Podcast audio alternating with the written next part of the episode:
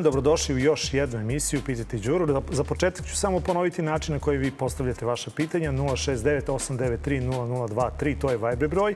Pišite na e-mail adresu pitajteđuru.nova.rs ili vaše probleme i pitanja šaljite na Facebook, Instagram i Twitter mrežu Pitajte Đuru. E sad, čovjek koga smo vrlo često pitali u doba korone o tome koliki je stvarni broj uh, onih koji su preminuli od korone, koliko ima ljudi u bolnicama i sve ono što je mučilo sve nas, ne samo zdravstveni sistem, nego i građane Srbije. Tu je bio na raspolaganju dr. Rade Panić, predsednik sindikata lekara i farmaceuta Srbije. Pa evo, ako sada možemo da povučemo crtu i da kažemo korona je pri kraju ili je bar pri kraju, onda je možda pravo vreme da na neki način svedemo račune.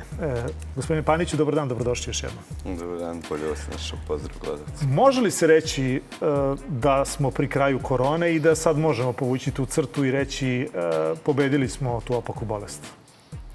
Pa, e, trebalo bi, ja se nadam, ali obzirom da sam već bar tri puta najavljivao da će se desiti taj uslovno rečeno kraj, dakle, COVID će nastaviti da živi u, u nekom obliku, ali u endemskim varijantama, dakle neće praviti ovakve epidemije i svetske pandemije. Tu ćemo doći valjda na tu priču da, da će COVID postati neka respiratorna infekcija koja je slična što se tiče širenja i, i prisustva gripu. Dakle, trenutno, kako stoji situacija, trebalo bi da smo pred kraj ali vrlo oprezno. Brojke još uvek nisu dobre pitanje je i popustila je pažnja zbog svega što se dešava drugoga na sam COVID. Vidimo da bivalentna vakcina se aplikuje i prisutna je na zapadu. Kod nas je još uvek nema. Preporučuje se starijima i onima koji imaju udružene bolesti. Neki naši građani se sada snalazi i odlaze u zemlje u okruženju ne bili primili tu vakcinu jer je kod nas nema. Da li zato što je tehnička vlada i što je ministar tehnički, a sada čujemo da će biti i nova ministarka. Da li zbog toga što se u ovom prethodnom periodu kupio, mislim, zaista preveliki broj vakcina. Nema nigde vesti šta je sa tim vakcinama. Mnogima verovatno istekao rok, neko je morao da plati da se one i unište. Mislim da se neracionalno radilo. To je ono što Sindikat lekara i farmaceuta Srbije traži da se sa svih nabavki koje su se desile tokom epidemije skine oznaka tajnosti. Nema apsolutno ni jednog razloga osim ako neko krije šta je radio i kako je radio, da to bude tajna. Vi ste negde u augustu rekli da bi e, mogli da steknemo taj kolektivni imunitet. Jesmo li ga stekli? Pa plašim se da u Srbiji nismo. Negde sam skoro video podatak da u Nemačkoj 95% građana posjeduje neku vrstu imuniteta. To je ono što je cilj. U Srbiji, kažem, nažalost, kampanja oko vakcinacije nije bila uspešna.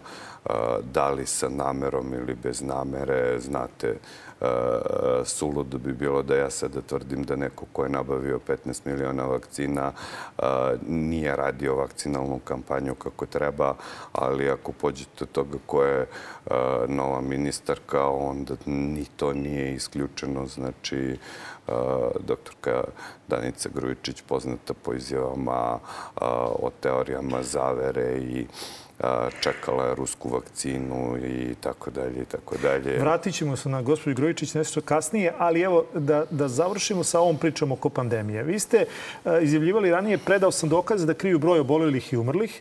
Tako. Posledice epidemije katastrofalne, Lončar najodgovorniji. Pa evo sad je Lončar otišao. Možemo li bar tu podvući crtu pa da idemo brojkama, ako je to moguće, da kažete do koji ste vi to saznanja došli? Dakle, koji je zaista broj kada govorimo i o preminulim i o bolelim i pomenu ste malo pre i to nikako nije nebitan podatak, a to je koliko smo vakcina, da li se ošte procenjuje koliko smo vakcina uvezli, koliko smo novca potrošili za to i koliko ćemo ih na kraju krajeva baciti i da li ćemo ih ošte baciti? Pa dakle, da, verovatno se već nešto sa tim vakcinama dešavalo. Ne bih sad da, da pretpostavljam i nagađam, smatram da je neophodno da to bude sve javno prezentovano, a onda će one nadležne institucije koje treba odlučivati o tome. Da podsjetim, perjanica kriznog štaba koji opet vrlo sumnjiv, odnosno nelegitimno dugo bilo telo, posle negde predviđeno u zakonu, ali to neadekvatno. Videli smo sad u ovom poslednjem periodu da se pozivaju na ono o čemu smo mi pričali od samog početka Republička stručna komisija za zarazne bolesti i Institut Batut. Institut Batut je, nažalost, izlazio sa podacima koji nisu relevantni.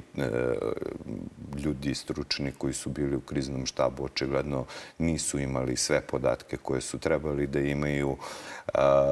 Prolazi negde informacija da je Srbija najlošija ili je sigurno jedna od najloših zemalja kada se uzme broj mrtvih, odnosno preminulih na ukupan broj stanovnika ili ti na 100.000 stanovnika kako se to računa.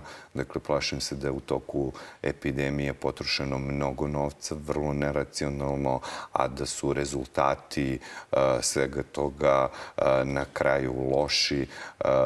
Nećete me držati za reči, ali kažem ja sam nastavio da se bavim više nekim poslovima koji jesu sindikalni nego što trenutno pratim podatke o epidemiji, ali ono što posljednje znam, ako se ne varam, 55.000 građana Srbije je preminulo, odnosno višak preminulih u toku ove dve godine ili dve i po epidemije koliko traje, a preko 20.000 očekivanih starosnih penzionera nedostaje na spisku. Dakle, to su sigurno svi oni koji su stradali od COVID-a. Ako se ne varam, trenutno su informacije skoro svaki dan 10 preminulih, to je isto jako velika brojka. Kada uzmemo da se trenutno ne testira ni približno koliko se testiralo i kako uopšte se upisuju diagnozi, kako se sve to beleži i prijavljuje Batutu. Ono što smo malo prepričali da je epidemija na kraju ne možemo tvrditi, moramo i dalje biti oprezni dok ne budemo sigurni u podatke kada bi svi imali tih 90-95% kolektivnog imuniteta i ne bi bilo novog soja, onda bi ta rečenica bila u redu.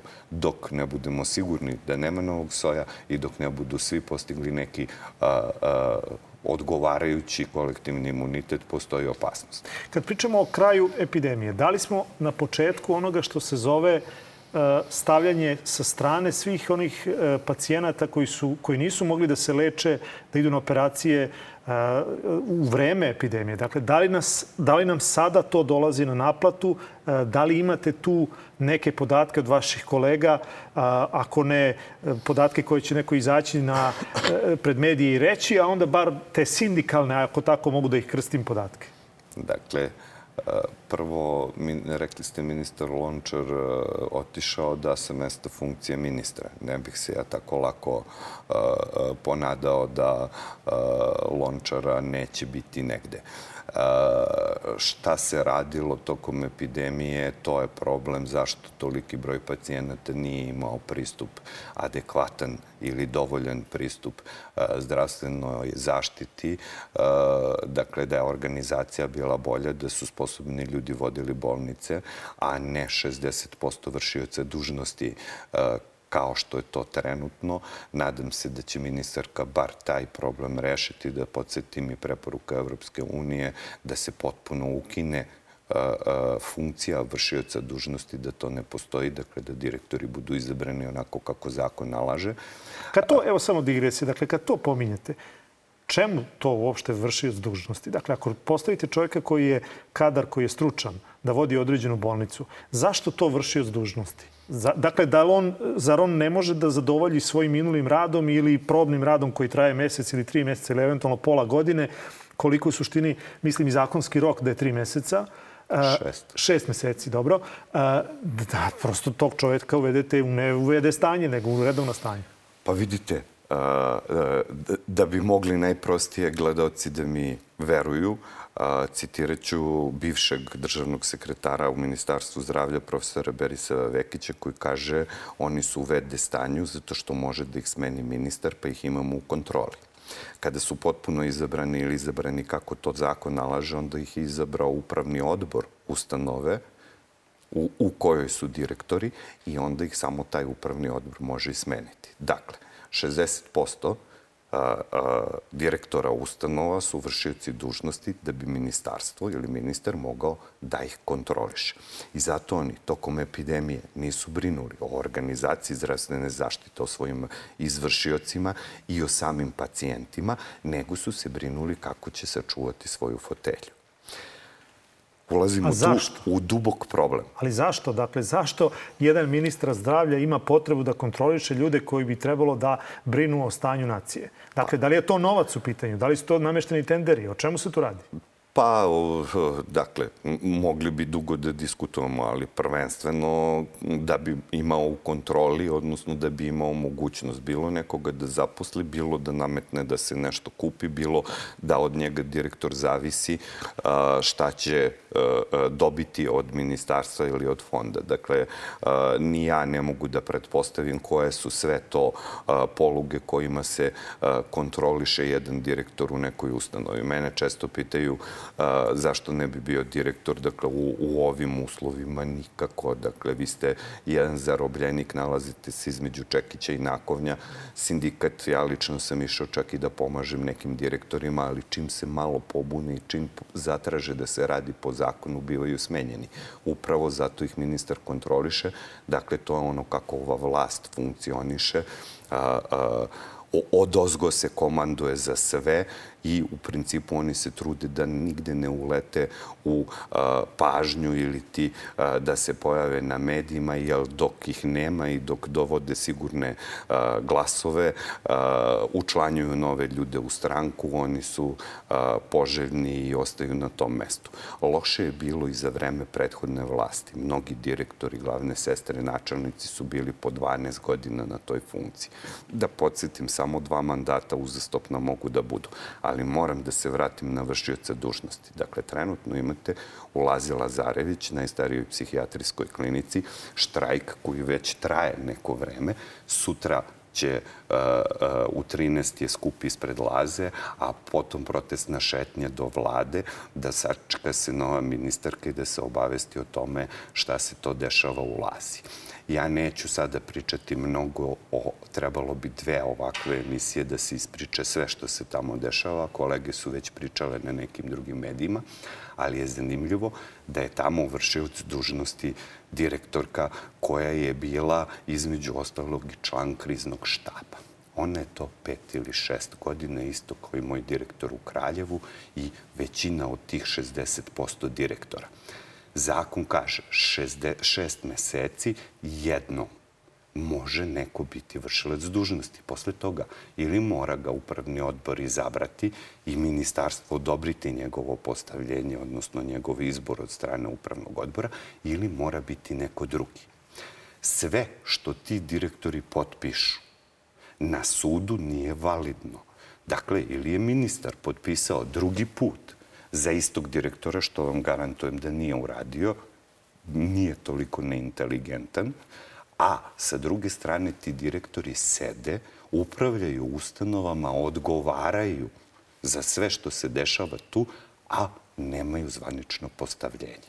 Već imamo presude gde su ustanove izgubile na osnovu toga. U svih tih 60% ustanova, šta god tužite, a da se tiče potpisa direktora ili da je direktorova nadležnost, dobit ćete spor na sudu.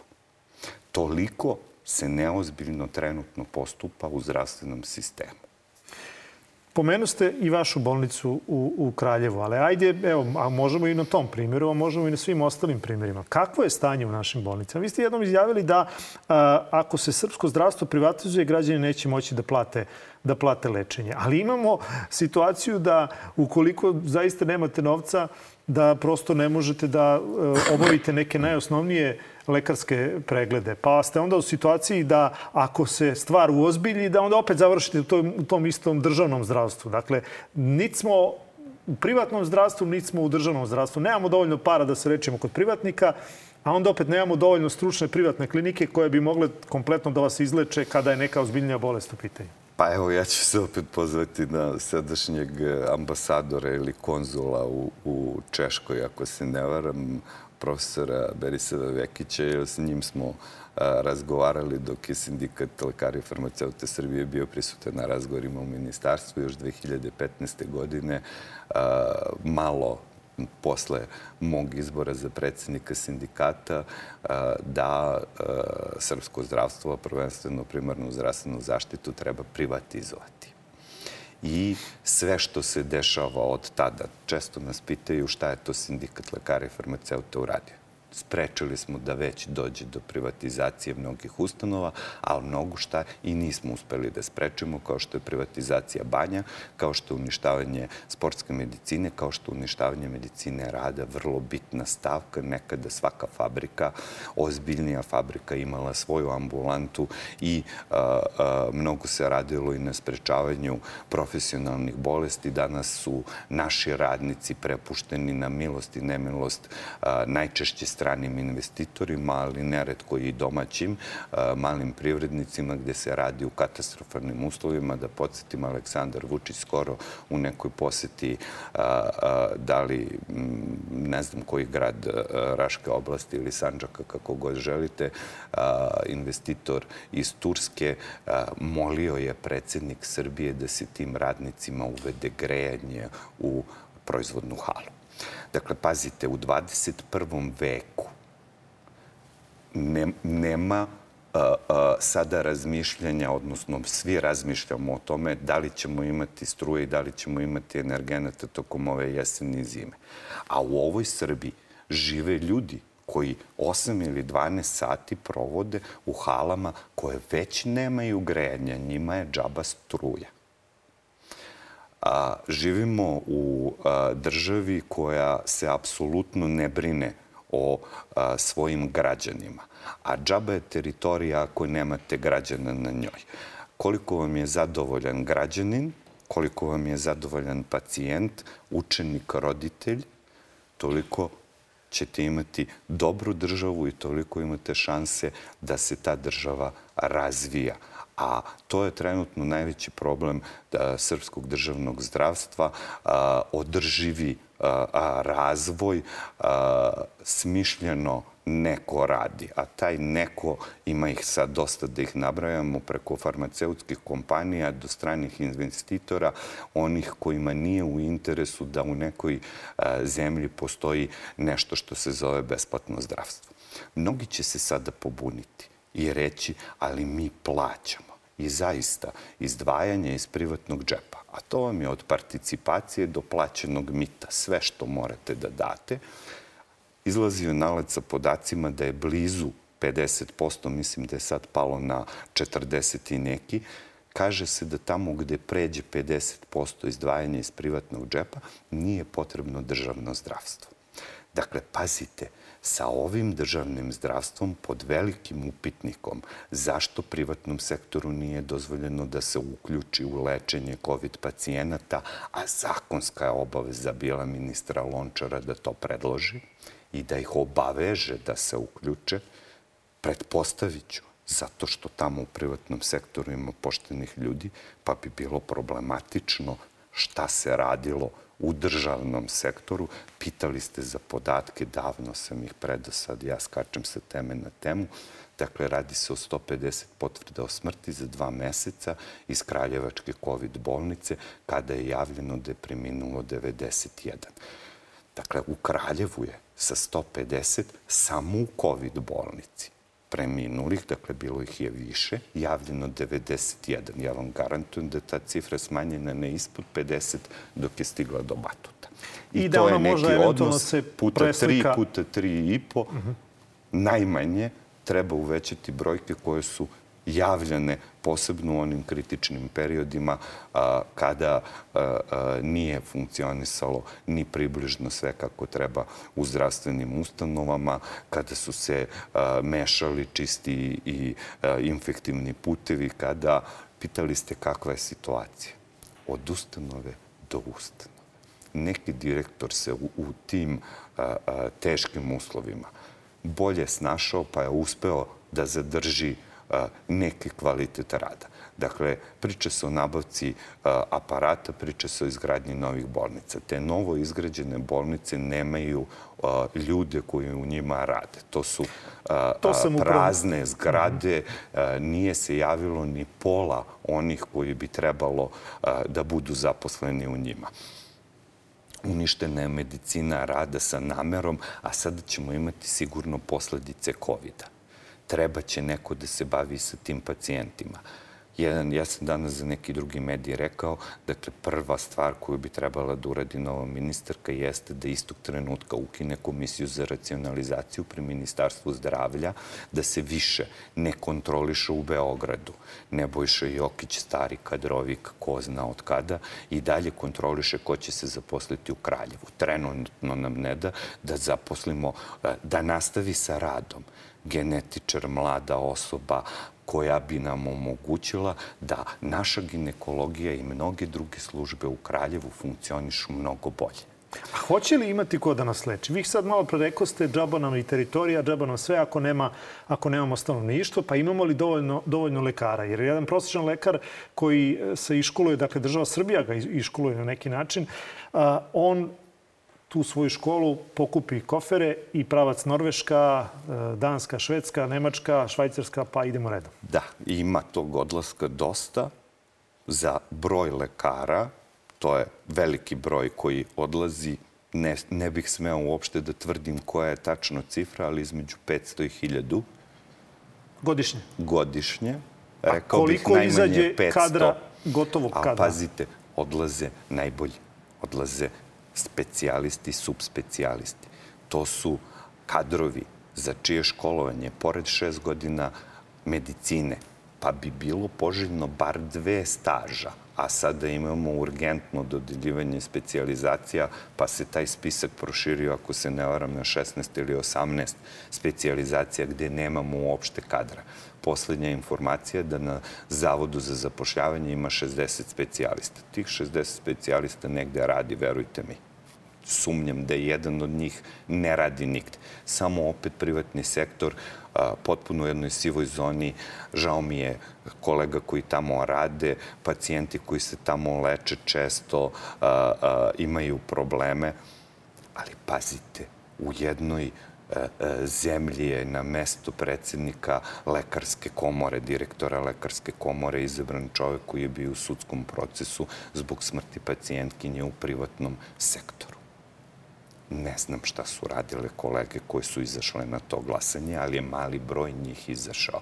Ta komora nas više davi nego što nam pomaže da radimo, a morala bi njena prva funkcija da bude nezavisna, da nam obezbedi svim zdravstvenim radnicima, razne su komore, da rade u a, uslovima koji su zakoniti, koji su bezbedni, koji nam omogućavaju da našem pacijentu pružimo maksimum. Ali to se, nažalost, ne dešava. Moram da podsjetim postavih pitanje vakcina, zajedno smo se pitali šta se desilo sa toliko vakcina.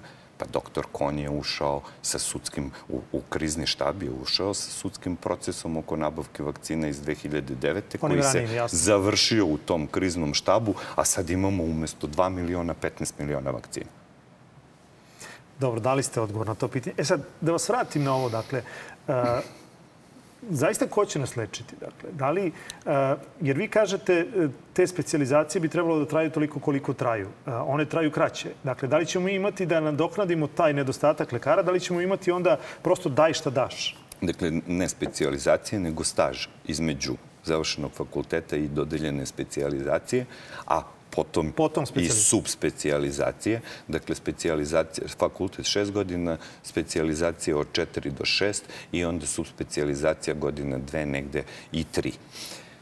a onda morate da radite u timu. Dakle, kada ste subspecijalista nečega ili specijalista nečega, smatra se da pet godina treba da radite u nekom timu da bi postali vrhunski i samostalni. Takvog kadra skoro da nemamo, a godinama ga ne školujemo adekvatno.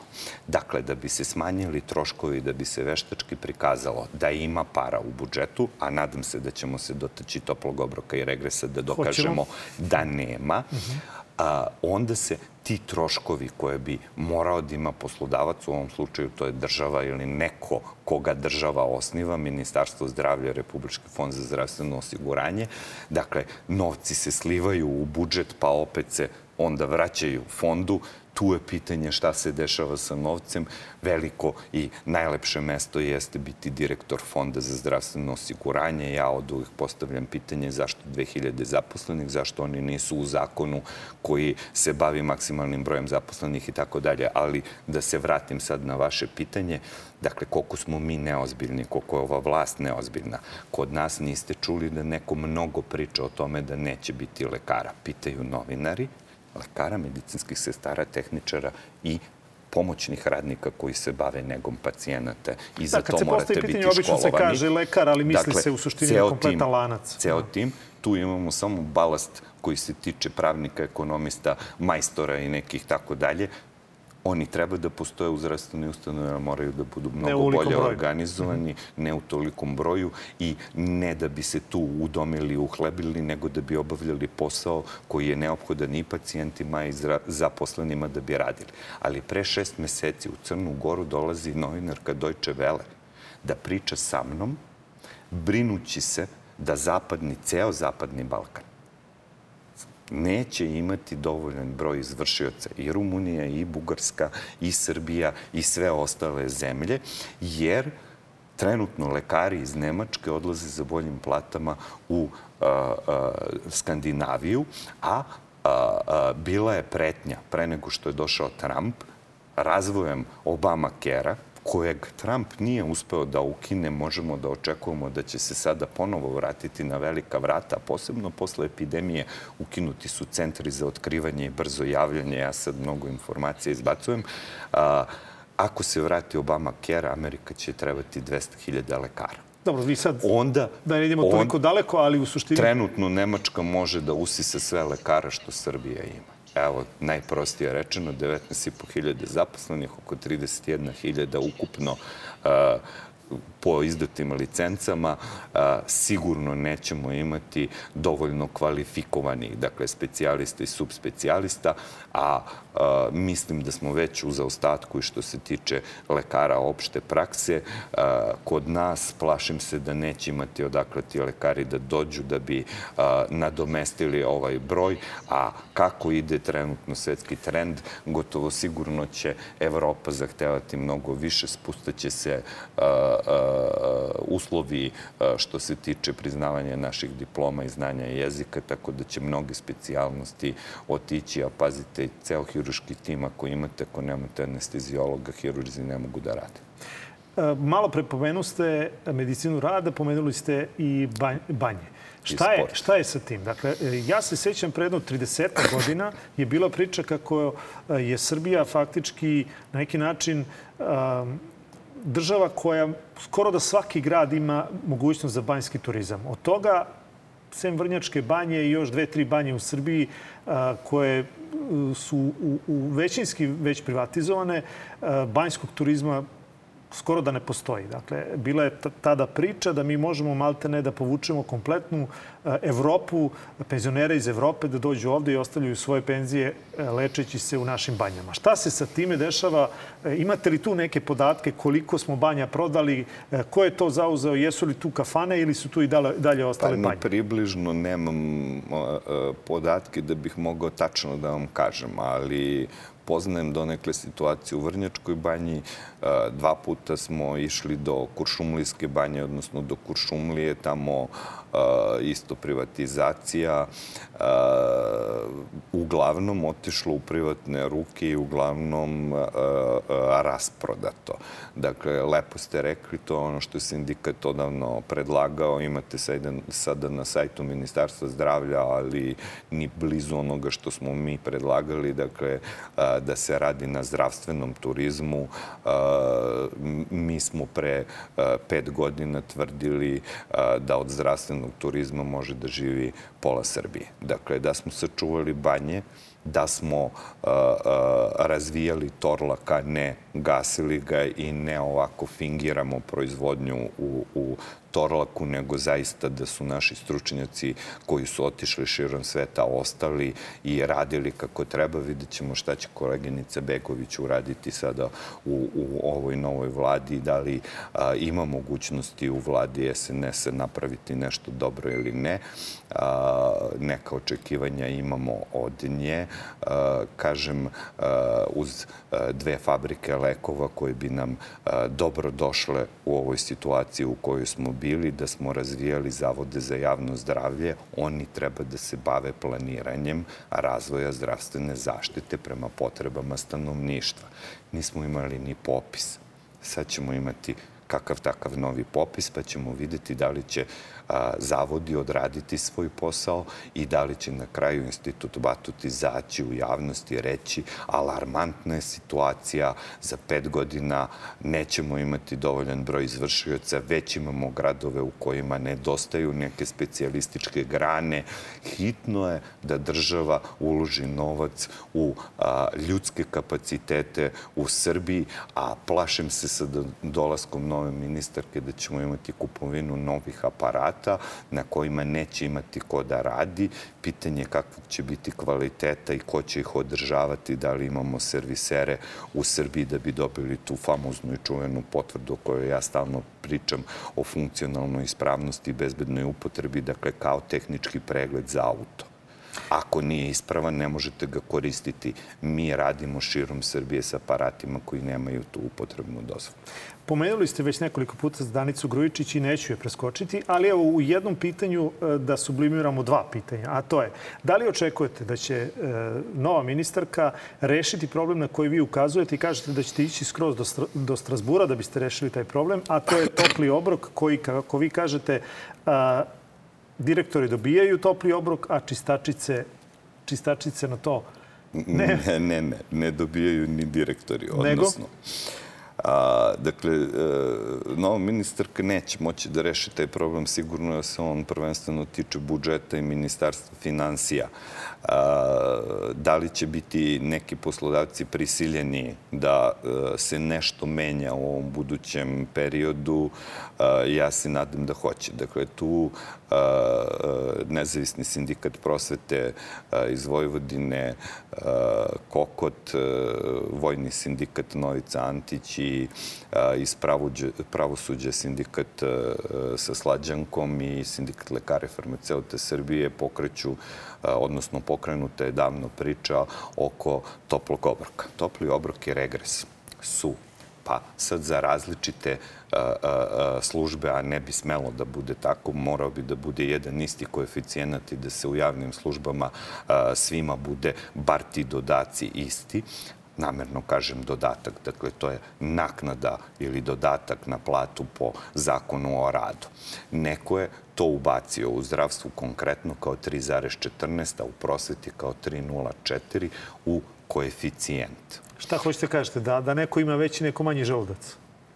Umeđu vremenu su se desile povećanja plate, gde su se povećanja desila ne povećanjem koeficijenta, nego povećanjem osnovice, gde su bila različita povećanja za nemedicinske radnike, tehničare i sestre i lekare. Najviše su dobile sestre i tehničari, pa lekari, a potom nemedicinski radnici. Automatski je tih 3.14 koji su bili topli obrok za sestre veći nego što je za lekare, Jasne. a najmanje je za nemedicinske radnike. To je diskriminacija u prvom koraku. U drugom koraku kršenje je vrlo jasno kršenje zakona. 800 tužbi je bilo nešto malo u zdravstvu, najviše u prosveti, tužili su oni koji imaju najmanje zarade. Zašto? Zato što je bilo i slepcu vidljivo, pa su morale sudije na početku u prvostepenim postupcima da presude u korist radnika. Kada se našoj higijeničarki u zdravstvu obračuna plata, ona nema minimalnih 36.000, ona ima ispod 30.000.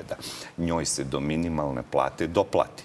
Da važi, odnosno da se primenjuje važeći zakon o platnim grupama i razredima, čija je primjena odložena do 2025.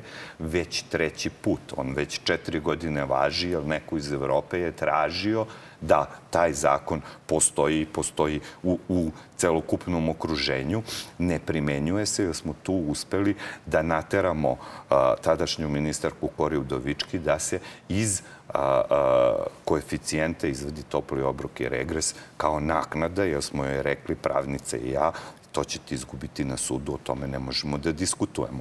Izvađeno je kada bi se platio topli obrok i regres za javne službe, onako kako treba da se plati. Ako se ne varam, neko izlazio sa podatkom oko 230 milijardi na godišnjem nivou. Tih para nema u budžetu. Lažu vas kad kažu da smo ekonomski tigar. Nemaju za kiflu i jogurt zaposlenima u zdravstvu, prosveti, vojsci i pravosuđu. To garantujemo, postoje presude.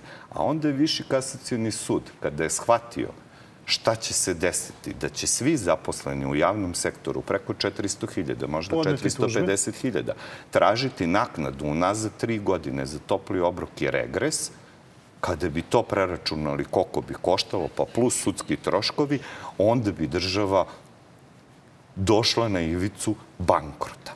Zato je došlo političko naređenje sudu dok trenutka, dok poglavlje 23 ne bude potpunosti ispunjeno, da sudstvo i tužilaštvo budu apsolutno nezavisni u ovoj državi, ne možemo ni makac iz ove tame. U rupi smo duboko, ne vidimo uopšte svetlo. A onda, na vrhu, umesto da nam sudstvo i tužilaštvo baci uže, da nas izvedi iz te tame i kršenja zakona, da nam pomogne da država funkcioniše onako kako je dostojno za svakog, svako ljudsko biće, mi dobijemo mišljenje više kasacijenog suda da topli obrok i regres mogu biti u a, a, koeficijentu. I sada, i dalje, čistačica, da pođemo od nje, a mnogi zaposleni u prosveti još, dakle ne samo ti koji se bave higijenom, imaju a, platu koja je jednaka minimalnoj zaradi, što znači da im je po zakonu i radu, važećem svakom unazad i svim međunarodnim konvencijama zakinut topli obrok i regres. To je najmanje 5000 dinara, možda i više. To je za te ljude 15% nemoj da im neko prodaje maglu i da im priča o povećanju plate, kada im svaki mesec zakida, garantujem 15%, a mnogo više. Jer ne dobijamo ni radne uniforme, ne dobijamo ni klompe, ne plaća nam se edukacija koja mora da nam bude plaćena, umesto mi da dobijemo sve to od poslodavca da bi bili zadovoljni i imali bezbedna radna mesta i tako pružili našim pacijentima maksimum, mi to moramo od našeg ličnog novca da izdvojimo. Kada bi se sve sabralo, sigurno nam trenutno u zdravstvu zakidaju 30 do 40% plate. Pa samo kada bi se primenio taj zakon koji pominjamo o platnim grupama i razredima, umesto 115-118 hiljada specijalistička plata početna, bila bi 185 hiljada.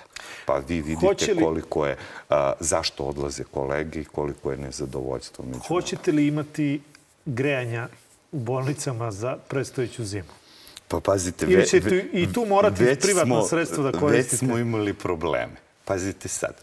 Prvo se postavljalo pitanje da li možemo nositi uniforme različite boje, iako nam poslodavac nije obezbedio, nego mi sami kupujemo. A sada, pošto već nema grejenja, pa je hladno, ne svem ni da zamislim kako je pacijentu koji potpuno nagi znači, na operaciju. Još uvek nema. Još uvek nema. A, u nekim ustanovama možda ima, u većini nema. Onda su kolege počele da oblače svoje civilne stvari. A onda se postavilo pitanje da li smemo u bolnici da nosimo civilno. Sad moramo i civilnu garderobu da donesemo da nam ne bi bilo zima, jer nema ni materijala koji nam je neophodan u operacijonim salama, a kamoliti da imamo adekvatne mantile, ogrtače ili nešto toplo da bi tokom zime. Pazite, meni kad se... Ja sve radim sa ovih deset prstiju. Kada mi se smrznu prsti, onda mi ne pomaže nikakva jakna. Ali kako, evo sad recimo kad stavite sliku gde, gde gospođa Grujičić prolazi kroz novi klinički centar, kad, kad se takva jedna slika sukobi sa ovim što vi danas pričate, gde smo mi onda to? Može li se tu neka sredina izvući? Pa pazite, a, a, mi smo u, u jednom reklamnom raju ili izmišljenoj državi uglavnom.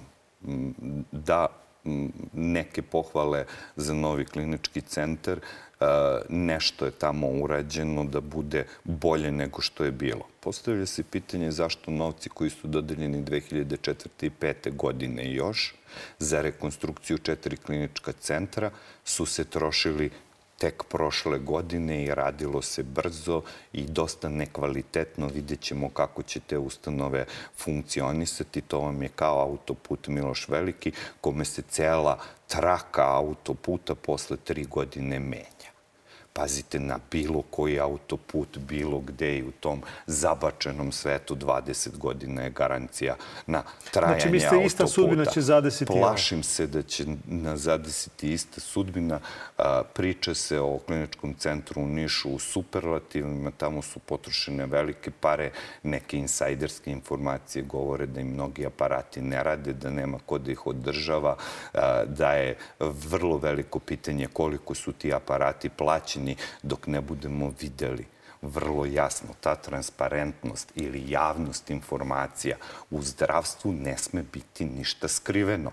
Hoćemo da vidimo kako su potrošene pare. Da li iz budžeta od poreza, pa je opet svih građana Srbije, da li iz fonda, pa opet izdvojeno iz zdravstvenog osiguranja. To su pare građana Srbije. To ne daje Aleksandar Vučić, niti bilo koji funkcioner SNS-a, SPS-a, demokratske stranke ili bilo koga drugog. Hoćemo da vidimo gde su pare i hoćemo da nezavisni stručni ljudi upravljaju tim parama. Sindikat lekara i farmaceuta Srbije pre četiri godine nudio da nam se da zdravstvo.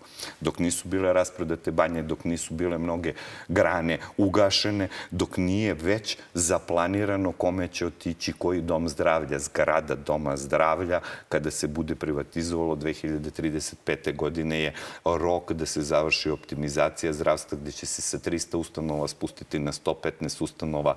Građani Srbije misle da je trenutno skupo zdravstvo. Počeli smo pričamo o izdvajanju iz sobstvenog džepa. Trenutno privatnici imaju nelojalnu konkurenciju u državnom sektoru. Zato ćete platiti tamo operaciju kolena 3,5 hiljade evra, a ne 5 ili 6 koliko će biti kada ne bude konkurencije u državnom zdravstvu ovako kako je sada ima.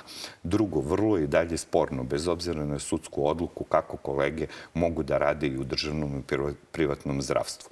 Dakle, dozvoljava se od strane ministarstva i vlade da kolege rade po dva, dva i po radna vremena da bi zaradili pare. Ali to su samo neki da bi funkcionisao zdravstveni sistem, on je organizovan i po horizontali i po vertikali, malte ne kao vojska. Ja moram da radim šta mi kaže moj načelnik i moj direktor u skladu, ako je to u skladu sa onim što nalaže zakon i što nalaže struka. I za kraj, samo kratko, dakle, ima li logičnog objašnjenja zašto su i dalje zabranjene posete u bolnicama?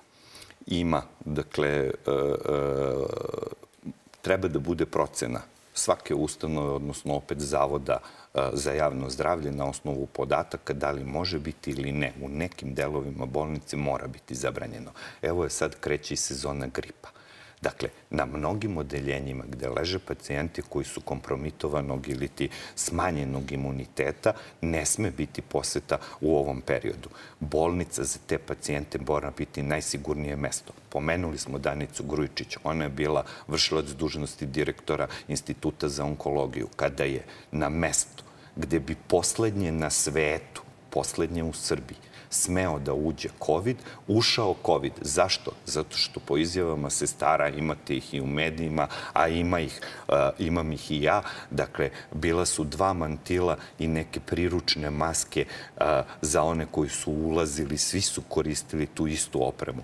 Dakle, na, na jednom mestu kao što je Institut za onkologiju moraju biti često, ako ne u većem delu godine zabranjene posete, ne smemo dozvoliti dobro... da uđe kod pacijenata koji su ležeći infekcija. Ali onda je dobro što na mesto ministarke zdravlja dolazi jedna osoba koja zna gde je problem. Ne znam da li zna ako je ona dozvolila da infekcija uđe u tu ustanovu u prvu ustanovu u koju je ušla infekcija. Nadam se da je naučila, da je izvukla pouku iz toga, a sindikat lekara i farmaceute Srbije je bio a, a, potpuno a, zapostavljen ili potpuno neprepoznat od prošlog ministra. Imamo kapacitete, imamo rešenja, nudimo se nove ministarki za razgovore, da joj damo sve predlogi dokumenta koje I imamo. Sigurno se zdravstvo, srpsko zdravstvo može oporaviti. Ja je molim da ne ponovi ono što je 2016. na jednom mediju rekla u emisiji sa mnom da je američki sistem osiguranja dobar. Srbija to ne može da podnese. Naši građani nemaju dovoljno novca uskoro ni za hranu i plaćanje računa, a kamoliti da plaćaju zdravstvene usluge u punom obimu. Naprotiv, trebali bi da omogućimo da se to izdvajanje iz privatnog džepa smanji i da zaista građani imaju osjećaj da im je zdravstvo i školstvo besplatno, a sudstvo i tužilaštvo nezavisno. Molim policiju da bude narodna policija, da ne radi za vlast. Svakom zlu dođe kraj. Rade, hvala vam puno na izdvojenom vremenu. Nadam se da je i gledalcima jasnije u kakvom stanju je naše zdravstvo i kuda sve idemo. Hvala još jednom. Moj današnji gost bio dr. Rade Panić, predsjednik Sindikata lekara i farmaceuta Srbije. Broj telefona otvoren za vaše pitanje 069 893 0023. Šaljite vaše pitanja pa ćemo jednom sublimirati sve kada dođu i odgovori i ja sam da će to biti uskoro. A takođe možete vaše pitanje slati i na e, e-mail adresu pititeđuru.nova.rs ili na Facebook stranicu e, Pitajte Đuru. Twitter je takođe otvoren kao i Instagram. Do sledećeg podcasta, lep pozdrav!